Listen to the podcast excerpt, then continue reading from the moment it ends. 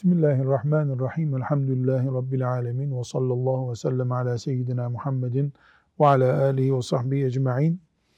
Riyazu Salihinden Allah'tan korkmak ile alakalı hadisi şerifler okuyacağız bugün. Ancak bu korkma kelimesinin yani Allah'tan korkmak kelimesinin bir altyapısı var. Böyle ödüm patlayıp bir kenara çekilme manasındaki bir korku değil bunun bir içini doldurma mantığı var. Allah'ın cehennemine sokacak şeylerden uzak durmak, e, cennete girmeye yardım edecek işlere e, canhıraş sarılmak, böyle bir anlam üzerinden Allah'tan korkmaktan söz ediliyor. Hayali bir korku, e, uykuları kaçıran ama bir iş yaptırmayan tarzında bir korku değil. Bu manayı iyice derin bir alemde anlayabileceğimiz hadisi şerifleri örnek olarak Nevevi getirmiş. Hızlı bir şekilde bu hadis-i şerifleri okuyacağız. Bütün genelinden şunu çıkaracağız. Müslüman Allah'a iman eden insandır. Allah'a iman eden insan Allah'tan korkan bir insandır. Allah'tan korkan insan bu korktuğunun gereklerini yapan insandır. Cehenneme düşecek bir işi yap, Sonra da Allah'tan çok korktuğunu söyle. Bu gülünç olur. Bunun gibi bir iş yapmadan yaşayan insandır Müslüman. Evet 398. hadisi şerifteyiz. Ee, Hafız Salih Efendi bu hadis-i şerifi Müslim'den ve Tirmizi'den rivayet ediyor Nebevi. Okuyalım.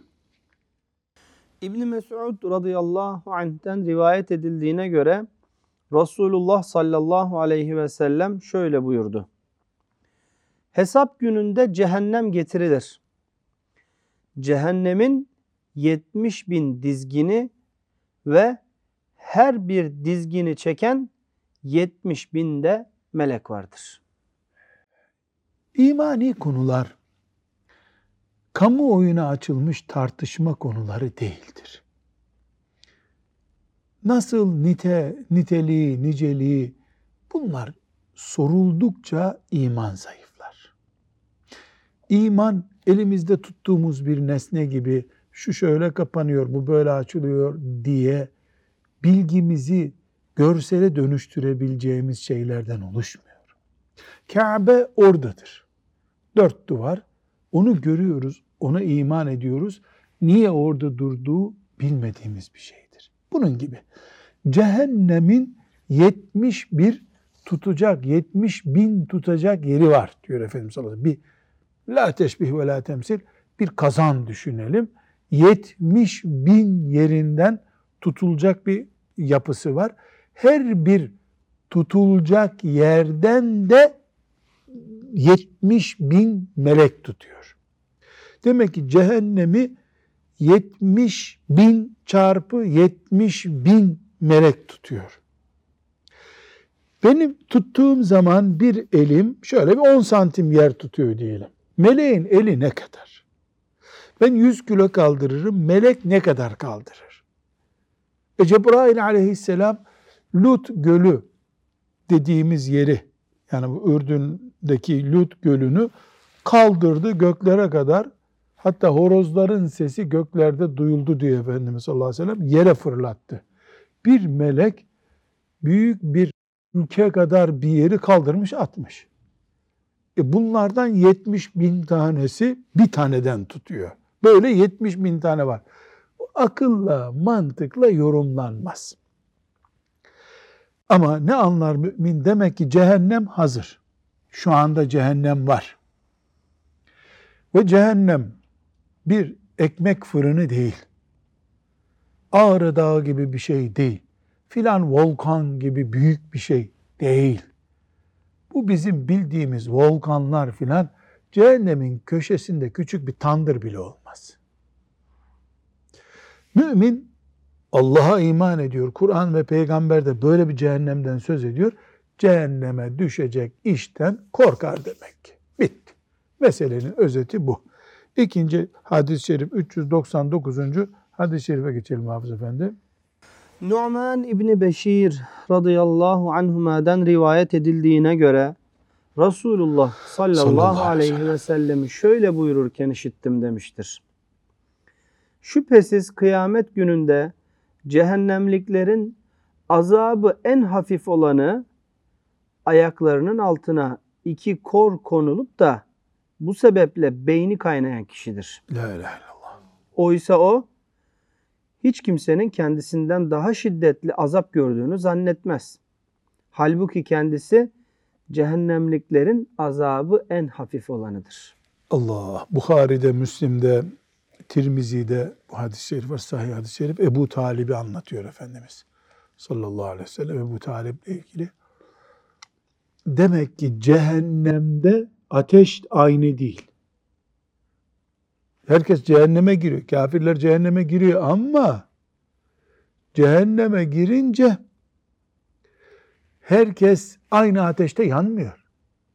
E bu cehilin ateşi başka, başka bir kafirin başka, mümin geçici girdiği zaman oraya başka. En hafif azap Efendimiz sallallahu aleyhi ve sellemin amcası Ebu Talib'e gelecek. Onun da ayaklarının altında iki kor olacak. Mangal koru değil herhalde. Cehennem koru olacak. Beyni kaynıyor. Yüz sene, bin sene, milyon sene, beş milyon sene son yok. Bu da gösteriyor ki cehennem farklı farklı azapların görüldüğü bir yer ama temel altyapı ne? Ateş. Maazallah. Fakat burada Efendimiz sallallahu aleyhi ve sellem bir enteresan ayrıntıyı gösteriyor bize. En hafif azap o ama en çok o çektiğini düşünüyor. Demek ki cehennemde bir de psikolojik olarak da bir olgu var. Psikolojik olarak da cehennem insanı kar yani hem ateş yakıyor hem ateşte yanma psikolojisi perişan ediyor. Külleme nalacet cülûdûm de bunu gösteriyor değil mi? Ateş yakıyor, yanarken yeniden yaratılıyor vücudu. Belki bir saatte bin defa yaratılıyor vücut, bin defa yanıyor, eriyor. İşte bu neyi gösteriyor? Mümin insan cehennemden korkar. Cehennemi şakaya almaz. Bankada faiz işlemi yaparken cehennemi hakkıyla iman eden imza atmaz oraya. Kumara, faize, hırsızlığa, yalana, gıybete, bir insan hakkına tecavüz etmeye yeltenen birisi gerçekten cehennemi iman ediyorsa çok korkar. Bütün bu günahlar, haramlar, zulümler cehenneme iman zafiyetinden kaynaklanıyor. Burada Talha Hocam küçük bir not e, faydalı olur. Rabbim hepimizin cehennemden kurtulmasına şefaat eder, vesile eder bunu diye umarız. Esasen mesela sen ve ben iki hoca televizyonda cehennemin ateşi 100 derece miydi, 90 derece miydi diye konuşsak. Yani şimdi örnek vermiyorum kimse üstüne almasın diye. Bu aslında insanların cehennem algısını hafifletiyor.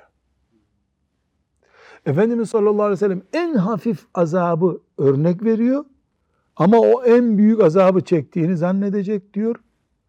Biz tartıştıkça cehennemin ateşine su döktürüyoruz aslında fark etmeden. Çünkü Allah bunu büyük görme, azim, azabun elim değil mi? Kaç tane ayet var? Üç mü, beş mi? Kaç tane ayet var Kur'an-ı Kerim'de? Onlarca hocam, onlarca. Azabun muhin. Perişan eden azap, kahreden azap diyor. Yok girince az kaldın, çok çıktın. Yok sen pencerenin kenarında hava alırsın der gibi böyle. Bir nevi Allah'ın azim gördüğü bir şeyi elimizle hafifletiyoruz gibi oluyor. Ne bunu Allah'ın gösterdiğinden daha fazla göstermek doğru, ne hafife almak doğru. Ee, ben işte ilim adamlığımı ispat edeceğim diye uğraşırken, tabi iyi niyet, kötü niyet onu Allah biliyor. Ama neticede ben haklıyım, doğru söylüyorum demeye çalışırken bir de bakıyoruz ki Allah'ın kullarını korkuttuğu şeyi hafifletmişiz biz meğer ki. Gibi. Bu da önemli bir nokta. Rabbim muhafaza buyursun. Tabi bu hadisi şerif kafirlerle alakalı. Bu şimdi okuduğumuz yani kafirlerin azabı. Mümin de cehennemde azap görür. İşte filan günahı işlediği için, babasına eziyet ettiği için, anasının ahını aldığı için, ne bileyim yani, caminin bahçesindeki ağacı kopardı, bir, bir günah işledi. Allah bilir kaç gram, ne kadar, kime ne yapacak ama bu bahsettiğimiz ebedi azap kafir için. Son nefesinde kelime-i tevhidden koparak ölen için neuzu billahi teala. 400. hadisi şerifte benzer bir mana var. Onu da okuyalım. Semura İbni Cündep radıyallahu anh'ten rivayet edildiğine göre Peygamber sallallahu aleyhi ve sellem şöyle buyurdu. Cehennem ateşi cehennem ehlinin bazısının topuklarına, bazısının dizlerine, bazısının kuşak yerlerine, bazısının da köprücük kemiklerine kadar çıkar. Köprücük kemiği neresi insanın? Yüz tarafı. Şimdi ateş tarif ediliyor değil mi? E ateş su mudur? Yani topuğuna kadar geliyor, dizine kadar geliyor, kemer yerine kadar geliyor, göğsüne geliyor. Su değil ki bu. Aslında ateş ayağı yanarken insanın yani yukarısı keyifte olur mu? Olmaz. Her yerde bu şunu gösteriyor. Cehennemde demek ki bir sıralama var. Bir sıralama var. Yani biraz önce de konuştuğumuz gibi hadis-i şeriften herkes aynı azabı görmüyor. Karun, Firavun başka e, kendi kilisesinde ölmüş gitmiş bir kafir başka. Yani kafirin de kafir var. Kafirden de bir tabaka var. Müminler için de geçerli bu. Bundan anlaşılıyor ki cehennemde e, azap çeşidi farklı. Mesela en ağır azabı kim çekecek? Münafıklar. Sonra kafirler. Sonra günahkarlar. Herkes de günahına göre tabi. Herkes de günahına göre. Bu hadis bir kere daha bize gösteriyor ki Efendimiz sallallahu aleyhi ve sellem ey ümmetim namaz kılınız buyurduğu gibi ey ümmetim cehennemden korkun da buyurdu. Cehennemden korkmayan namaz kılamaz. Dolayısıyla kıyamete kadar Müslümanlar cennet ve cehennem dengesi üzerinden Müslümanlık yapacaklar. Cennete aşkla koşacaklar, cehennemden uykuları da alacak. O arada namaz kılacak. O arada helal yiyecek. O arada anasına babasına itaat edecek. O arada hırsızlık yapmayacak. O arada memurluğun hakkını verecek. O arada işçinin, işverenin hakkı neyse onu verecek. Her halükarda herkes bir cehennem akıbetinden korkarsa bu dünyada Müslüman yürekli insanlar oluruz. Müslüman yürek kuru aşk taşıyan bir yürek değildir. Cehennem endişesi ve cennet umudu arasında pır pır e, gelip giden nabız gibi hani. Bir iniyor, bir çıkıyor, bir iniyor, bir çıkıyor. Bu Müslümanın yaşam tarzıdır. Rabbimden bize bunu lütfetmesini niyaz ederiz. 401. hadis-i şerifi okuyalım. Benzer mana var. İbn Ömer radıyallahu anhuma'dan rivayet edildiğine göre Resulullah sallallahu, sallallahu aleyhi ve sellem şöyle buyurdu. İnsanlar alemlerin Rabbi huzurunda hesap vermek üzere kabirlerinden kalkarlar. Onlardan bazıları kulaklarının yarısına kadar ter içindedirler. Ya Allah! Bukhari'de, Müslim'de, Tirmizi'de, İbn-i Maci'de hadisi şerif bu. Yani kıyamet günü diriliyor herkes. E nereye gidiyoruz? Hesap vermeye. Kime? Allahu Teala'nın huzuruna hesap vermeye gidiyoruz. E peki e gidelim bakalım öyle bir şey yok. Terler içinde boğuluyor. Sanki insan bir ter akıtıyor. O ter bir küçük leğenin içine akıyor gibi o da o leğenin üstünde duruyor. Kiminin işte dizine kadar ter, kimisi boğazına kadarken kendi terinde boğuluyor. Peki Salih Hoca soru. Bak çok derin bir soru. Bu her kitapta bulamazsın. Çok mu su içecekler de bu kadar terleyecekler? Evet bak bunu bilene aferin. Kim mezardan kalkarken meyve suyu mu içiyorsun orada? Ne yapıyorsun? Kola mı içeceksin de terleyeceksin? O değil o. Bir defa kaç bin senedir mezarda yatıyor bu adam. Yeniden yaratılmış. Ne olacağını o gün Kimse bilmiyor. Bunu niye anlatıyor Efendimiz sallallahu aleyhi ve sellem? Bu ter nasıl akacak? Sonra kendi akıttığı terini mi derisi emecek? Böyle şeylerle uğraşmak asıl ruhu kaybetmektir. Biraz önce dediğimiz gibi bunlar tartışıldıkça zayıflayan dindir, imandır. Allah muhafaza buyursun. O gün bana bu musibet gelmesin de o ter nasıl çıkarsa çıksın demek lazım. Evet. 402. hadisi şerifi okuyalım. Artık yani Efendimiz sallallahu aleyhi ve sellemin çok muhteşem bir nasihati var. Ee, onu dinleyelim. Enes radıyallahu anh'den rivayet edildiğine göre şöyle demiştir. Resulullah sallallahu aleyhi ve sellem bizlere benzerini hiç duymadığım bir konuşma yaptı. Ve şöyle buyurdu. Eğer sizler benim bildiklerimi bilseydiniz az güler çok ağlardınız. Hafız Salih bu siyah puntolu cümleyi üç kere oku sen. Eğer sizler benim bildiklerimi bilseydiniz az güler çok ağlardınız. Kim diyor? Resulullah sallallahu aleyhi ve sellem. Bir daha. Eğer sizler benim bildiklerimi bilseydiniz az güler çok ağlardınız. Tamam. Bunun üzerine Resulullah sallallahu aleyhi ve sellemin ashabı yüzlerini kapatarak hıçkıra hıçkıra ağladılar. Müslim'in diğer rivayetinde şöyledir. Resulullah sallallahu aleyhi ve sellem ashabının durumu, durumu ile ilgili bir haber alınca şöyle bir konuşma yaptı. Cennet ve cehennem gözlerimin önüne ser, serilip bana gösterildi. Hayır ve şer açısından bugün gibisini görmedim. Eğer sizler benim bildiklerimi bilseydiniz az güler çok ağlardınız buyurdu. Resulullah sallallahu aleyhi ve sellemin ashabına bundan daha ağır gelen bir gün olmamıştı. Başlarını örterek hıçkıra hıçkıra ağladılar. Bir kere buradan Talha Hoca ne çıkıyor? Bir ilaç veriyor Efendimiz sallallahu aleyhi ve sellem. Eve gitmeden ilaç tesir ediyor. Kapatıyorlar yüzlerini, ağlamaya başlıyorlar. Niye ağlıyorlar? Aslında sen cehenneme gireceksin filan demiyor Efendimiz. Ama anlıyorlar ki bu iş tehlikeli. Bu din şaka değil. Cennet, cehennem öyle lafla olmuyor. Anlıyorlar. O şuur onları ağlatıyor. Allah onlardan razı olsun. Bu hadis-i şerifler ne anlıyoruz? Efendimiz sallallahu aleyhi ve sellem şu dünya gözleriyle bu. Hani kornea mı deniyor bu gözün için? Bu kornealarla doktor kornea mı bu ortada gören şeyin adı? Bu bu gözlerle cenneti ve cehennemi gördü. Gördüm diyor çünkü. Sallallahu aleyhi ve sellem. Bu mecazi bir şey değil.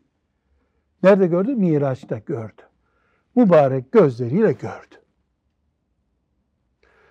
Ashabına da haber verdi. Bildiğimi bilseniz çok gülmezdiniz. Çok ağlardınız buyurdu sallallahu aleyhi ve sellem. Ashabı iman ettiler. Bunu anladılar. E biz de iman ehliyiz elhamdülillah. Bize de bu söz söyleniyor. Peki hangi gülmekten söz ediyor Efendimiz çok gülmeyin derken? Müminin ayetler, hadislerin hükümlerine karşı gülmesi. Bu yasak bir gülme. Müminin insan onurunu zedeleyecek maskot bir tip haline gelmesine sebep olacak gülme. Olmaz. Anasının, babasının, çocuklarının zorluğuna karşı o eğleniyor, gülüyor. Bu yasak. Ezan okunuyor, namaz vakti gelmiş, hala kahkahayla gülüyor. E, ahiret konuşuluyor, gülüyor. Yani müminin tebessüm etmez, gülmez diye bir yasağı yoktur. Mümin güler, tebessüm eder, neşelenir ama abartmaz. Yasak olan abartmak. Yasak olan abartmak. Bu abartmaya karşı Efendimiz sallallahu aleyhi ve sellem uyarmıştır. Ashabı da bu uyarıyı anladılar. Hem de çok iyi anladılar. Allah onlardan razı olsun. Efendimiz sallallahu aleyhi ve sellem ağlayınca ağladılar. Gülünce güldüler. Uyum sağladılar dinledikleri hadisi şeriflere. Çünkü peygamberler, başta bizim peygamberimiz olmak üzere sallallahu aleyhi ve sellem çok şey biliyorlardı. Çok ama. Herhangi bir peygamberin ümmetine bildirdiği şeyler bildiğinin ne çeyreğidir ne yüzde biridir. Çok şey biliyorlar. Sadece Cebrail aleyhisselamı gördüler, tarif etselerdi, din, onların sözünü dinleyenler çıldırırdı. Cebrail aleyhisselamı sadece tarif etseler bildikleri şekliyle. Kaldı ki Efendimiz sallallahu aleyhi ve sellem e, miraç gördü. Çok şey gördü miracında aleyhissalatü vesselam. Ve bir şey daha var burada iman etmemiz gereken. Efendimiz aleyhissalatu vesselam cenneti gördüm dediğine göre, cehennemi gördüm dediğine göre şu anda cennet ve cehennem mevcuttur. Nerededir? Gidince göreceğiz. Cenneti gidince göreceğiz inşallah. Dileriz Rabbim cehenneminden muhafaza buyurur. Bir sonraki 403. hadis-i şerifi okuyalım. Mikdad radıyallahu anh'ten rivayet edildiğine göre Resulullah sallallahu aleyhi ve sellem şöyle buyurdu. Güneş kıyamet gününde insanlara bir mil mesafe kalıncaya kadar yaklaştırılır. Hadisi Mikdad'den rivayet eden Süleym İbni Amir, Allah'a yemin ederim ki Resulullah sallallahu aleyhi ve sellem mille yeryüzündeki mesafe ölçüsünü mü yoksa göze sürme çekmek için kullanılan mili mi kastetti bilmiyorum demiştir. Resulullah sallallahu aleyhi ve sellem insanlar işledikleri kötü amelleri kadar tere batarlar. Onlardan bir kısmı topuklarına, bir kısmı dizlerine, bazıları kuşak yerlerine kadar ter içinde kalır. Bazılarının da ter adeta ağızlarına gem vurur buyurarak eliyle ağzına işaret etti. Allah onlardan razı olsun ashab-ı kiramdan. Mesele ne? Kıyamet korkunç bir yer. Korkunç bir şey. Tasavvur ederek, karikatürize ederek anlaşılacak bir yer değil. Bir örneği sadece güneş meselesidir. Bir mil ne kadar? İki kilometre mi? 1.6 2 kilometre bile değil. Diyelim 2 kilometre olsun. 5 kilometre diyelim. Güneşin şu andaki mesafesiyle 5 kilometre, 100 kilometre yani güneş şu anda 100 metre yanaşsa bu tarafa ne olur? Gene yanarız. Bir mil sahabi diyor ki böyle yani 10 santim mi kastetti? Kilometre mi kastetti? Bilmiyorum diyor. Hangisi olursa olsun kıyametin büyüklük, ağırlık ölçüsü olarak sadece bu güneş örneği yeterli. Güneş kavuracak. Neden? Çünkü kıyamet günü dünya perişan olmuş olacak. Toz duman olacak. Şimdiki gibi güneş, dünya güneşin etrafında dönüyor falan yok bunlar artık. Ahiret düzeni kurulmuş. Ve herkes o gün amel durumuna göre hesaplanacak. Bir kişinin katili öyle bir azap görecek, iki kişinin katili daha fena azap görecek. Bir lira çalanın göreceği azap o kadar, üç lira çalanın göreceği azap onun üç katı olacak. Kimseye zulmedilmeyecek, iyiliğinin karşılığı verilirken de kötülüğünün cezası da az veya çok verilerek de kimseye zulmedilmeyecek. Bu şekilde bir ahiret imanı olan mümin inşallah kurtulur kıyamet günü. Aksi takdirde kıyamet insanlığın perişan olacağı bir yer. 404. hadis-i şerifte buna yakın bir mana var. Bunu da okuyalım. Ebu Hureyre radıyallahu anh'ten rivayet edildiğine göre Resulullah sallallahu aleyhi ve sellem şöyle buyurdu. Kıyamet gününde insanlar o kadar terlerler ki onların teri yerin 70 arşın derinliğine ulaşır. Ter onların ağızlarına adeta gem vurur da ta kulaklarına kadar çıkar. Artık bunu ne anlarsak. 405. hadis-i şerife geç Salih Hocam. Yine Ebu Hureyre radıyallahu anh'ten rivayet edildiğine göre şöyle demiştir.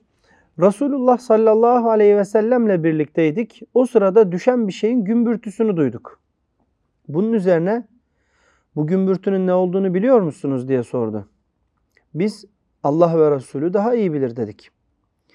Resulullah sallallahu aleyhi ve sellem Efendimiz şöyle buyurdu. Bu 70 sene önce cehenneme atılmış olan bir taştır. O şimdiye kadar cehennemde yuvarlanıp yol alıyordu. Nihayet onun dibine ulaştı. Siz onun gümbürtüsünü işittiniz. La ilahe illallah Muhammedur Resulullah. Bir kere ashab-ı kiramın keramet ehli olduğunun belgelerinden biri bu. İnsan kulağıyla duyulmayacak bir ses duydular. Allah onlardan razı olsun. İki, 70 yılda yukarıdan atılan bir taş kaç kilometre gider? Günde bir kilometre mi gider? Bir taş yukarıdan atılıyor. Dolayısıyla cehennem nasıl bir yerdir? Hayal etmeye kalksa insan delirir. Aklı gider. Bu yüzden cehennemden gerçek korkan kulları Allah'ın işte uykularını kaçırdılar. Böyle bir cehenneme karşı dikkat edin.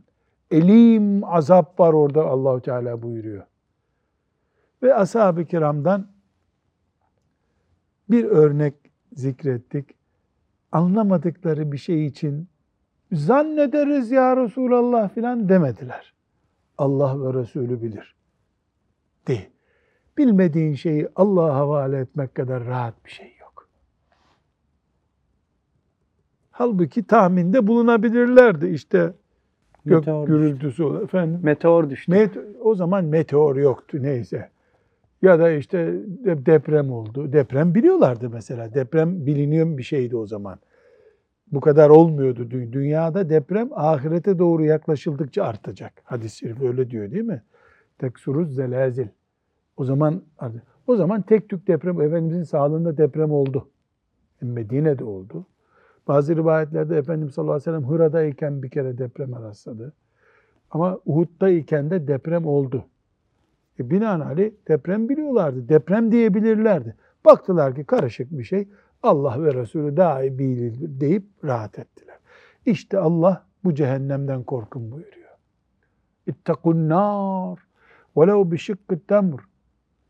Bir küçük hurmanın yarısı kadar bir şeyi sadaka vererek de olsa ateşten korunun dediği sallallahu aleyhi ve sellemin bu cehennem. Bir sonraki hadis-i şerife geçelim hafız.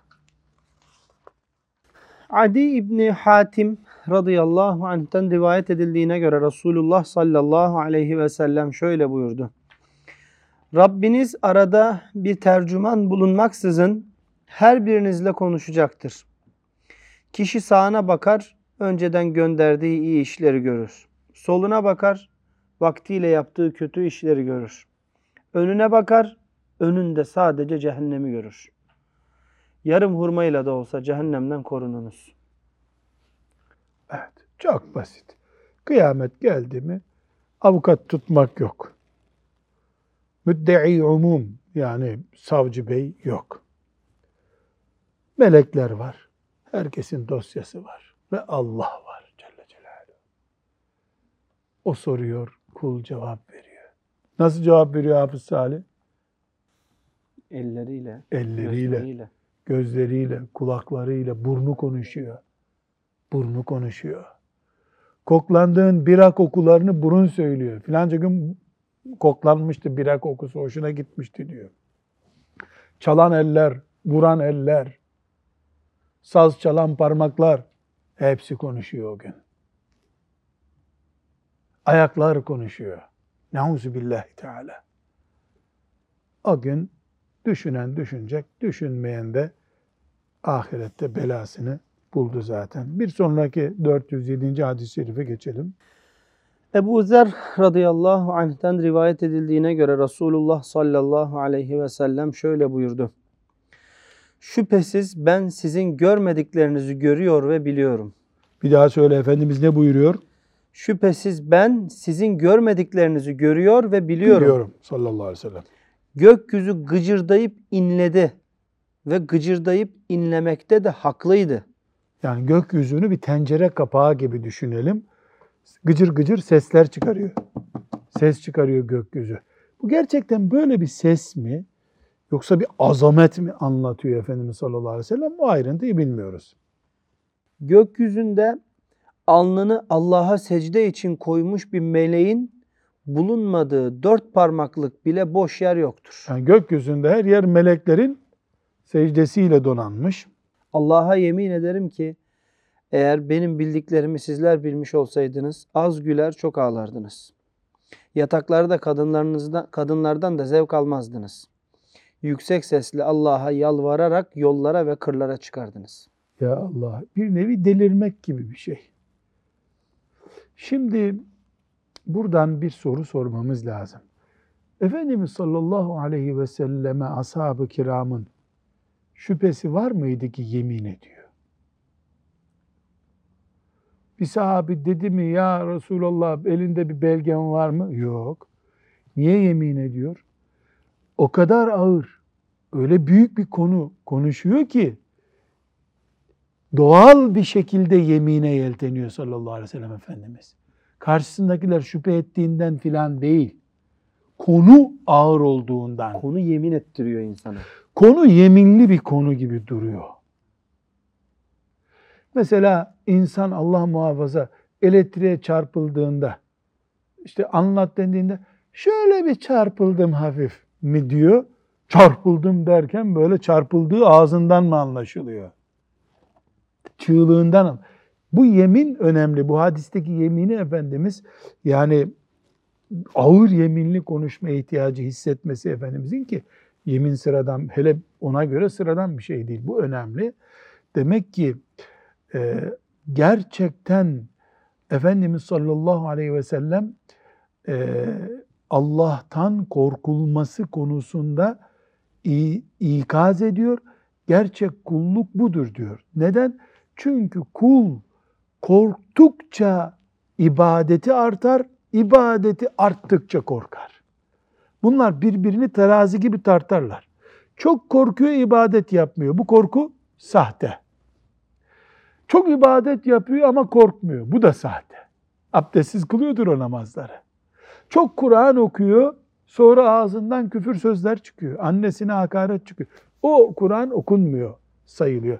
Bunların hepsi bu şekilde anlaşılması gerekiyor. Bu hadisin hatırlattığı e, bir şey var. Demek ki Allahu Teala gayb dediğimiz bazı konuları kullarından gizledi. İşte göklerde o kadar melek varmış. Bizim haberimiz yok bundan. Cennet cehennem hazır görmedik. Niye gizledi bunları Allah? Gizlemeseydi daha mı iyi olurdu? Elbette daha iyi olmaz. Allah'ın yaptığı en iyisidir muhakkak.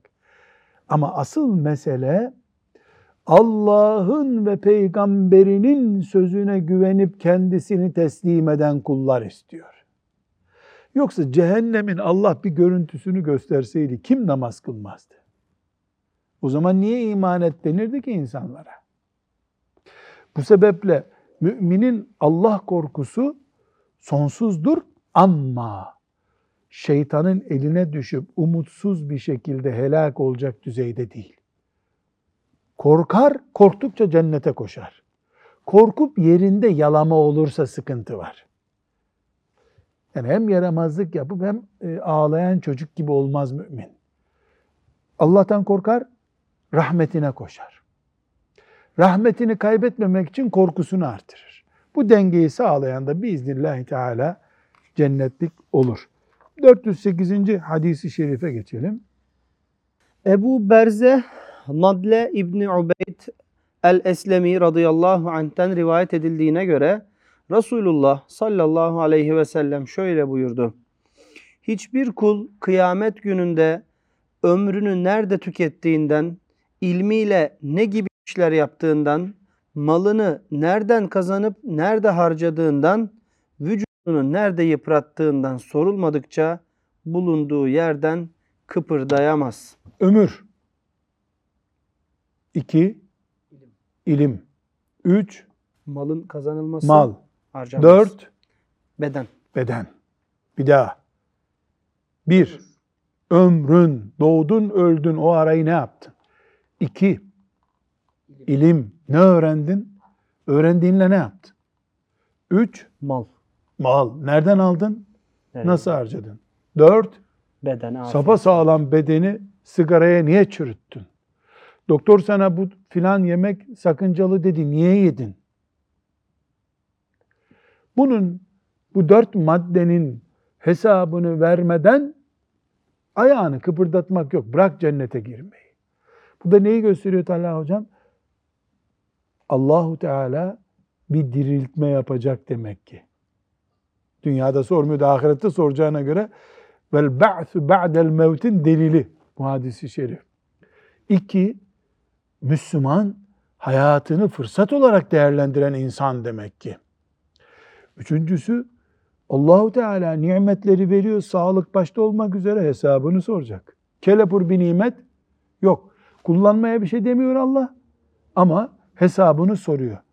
Ve beşinci yol Allahu Teala'nın hesabını soracağı en büyük nimetlerden biri beden. Beden. Dolayısıyla soğukta kalıp ciğerini üşütürsen onun da hesabını soruyor Allah. Ve burada e, bir önemli husus var. Göze katarak inip de görmeyi engellediği gibi bu sayılan şeylerin, nimetlerin, nankörlüğünün temel nedeni de günahlardır. İnsan günah işledikçe gözü perdeleniyor. Öbür günah işliyor, biraz daha görme oranı düşüyor. Her günah tıpkı hani yağmurlu havada insanın e, gör, e, görme oranı düşüyor ya, görüş mesafesi mi deniyor trafikte? Görüş mesafesi azalıyor. Gecede azalıyor. Günahlar da böyle. Eğer günahları gidermezse Müslüman, bir günah, anti günah mücadelesi yapmazsa, her günah bu büyük gerçekleri görmeyi engelliyor. Buna dikkat edilmesi gerekiyor. 409. hadisi şerifi okuyalım. Ebu Hureyre radıyallahu anh şöyle demiştir. Resulullah sallallahu aleyhi ve sellem Zilzal suresinin dördüncü ayetini okudu. İşte o gün yer haberlerini söyler. Yevme izin tuhaddisu ahbaraha. O gün yer konuşacak, yer, yer. Yer neresi? Filan yerdeki bahçemiz bizim. Üstünde namaz kaçırdığımız o üzüm bağı, balkonumuz konuşacak. Sonra da yerin haberlerinin ne olduğunu biliyor musunuz diye sordu. Sahabe Allah ve Resulü daha iyi bilir dediler. Resulullah sallallahu aleyhi ve sellem şöyle buyurdu. Onun haberleri her erkek ve kadının yeryüzünde neler yaptığına şahitlik ederek sen şu günde şöyle yapmıştın demesidir. İşte yerin haberleri budur. Bu hadis bize ne öğretti biliyor musunuz arkadaşlar? Bunu şöyle özetleyelim. Mümin bastığı toprağın, yaşadığı zamanın ve etrafındaki meleklerin ve organlarının denetiminde olduğunu unutmayacak. Başka hiçbir söze gerek yok.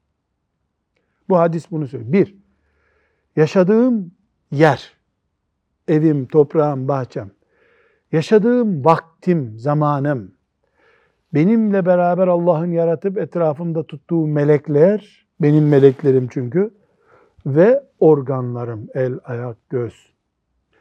Bu dört şeyle kuşatılmış bir hayat yaşıyoruz biz.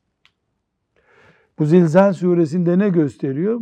Toprak konuşacak. E ne konuşacak toprak? Kadın erkek kim ne yaptıysa üstünde onu konuşacak. Bu iman olunca işte camideki ciddiyeti piknikte de gösteriyorsun bu sefer. Camideki ciddiyetini tatile gidince gösteriyorsun. Bu iman zafiyeti maazallah oldu mu helak olma süreci de başlıyor. Bir sonraki hadis-i şerif okuyalım abi efendim. Ebu Said el-Hudri radıyallahu anh'ten rivayet edildiğine göre Resulullah sallallahu, Sallallahu aleyhi ve aleyhi ve sellem sellem. şöyle buyurdu. Sur sahibi boruyu ağzına koymuş ne zaman üflemekle emrolunursa hemen üfleyeceği anın iznini bekleyip durmaktayken ben nasıl sevinebilirim?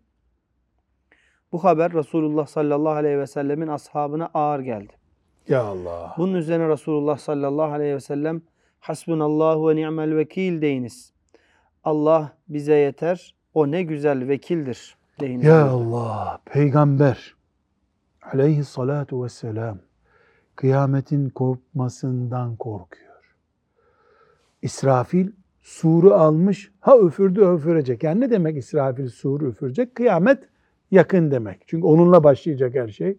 Peygamber aleyhisselam bundan korkuyor. Bu yüzden de ameli salih yapmaya teşvik ediyor. Hayırlı işler, namaz, ibadet yapın buyuruyor. Efendimiz sallallahu aleyhi ve sellem böyle düşününce ashab-ı kiram endişeleniyorlar. Ya bu peygamber böyle olursa vay bizim halimize.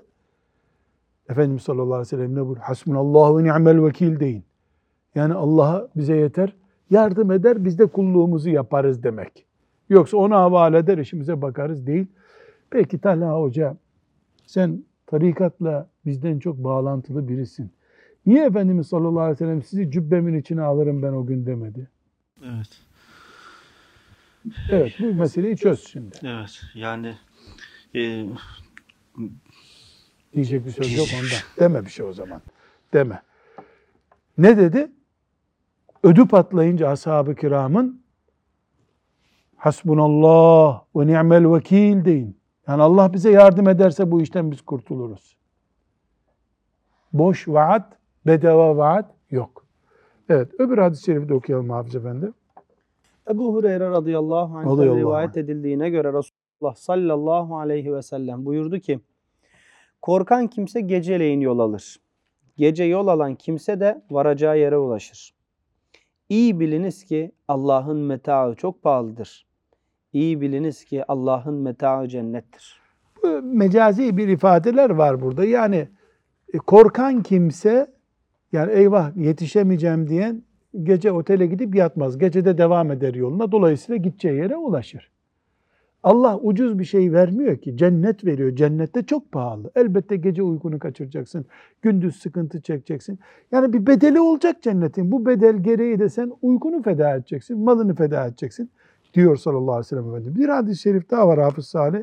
Bu manayı tamamlıyor. Onu da okuyalım. Ayşe radıyallahu anha Resulullah sallallahu, Sallallahu aleyhi ve aleyhi ve sellem sellem. şöyle buyururken işittim demiştir. İnsanlar kıyamet gününde yalın ayak, çıplak ve sünnetsiz olarak Allah'ın huzurunda toplanırlar. Bir daha. Kıyamet günü yani mahşer yeri var.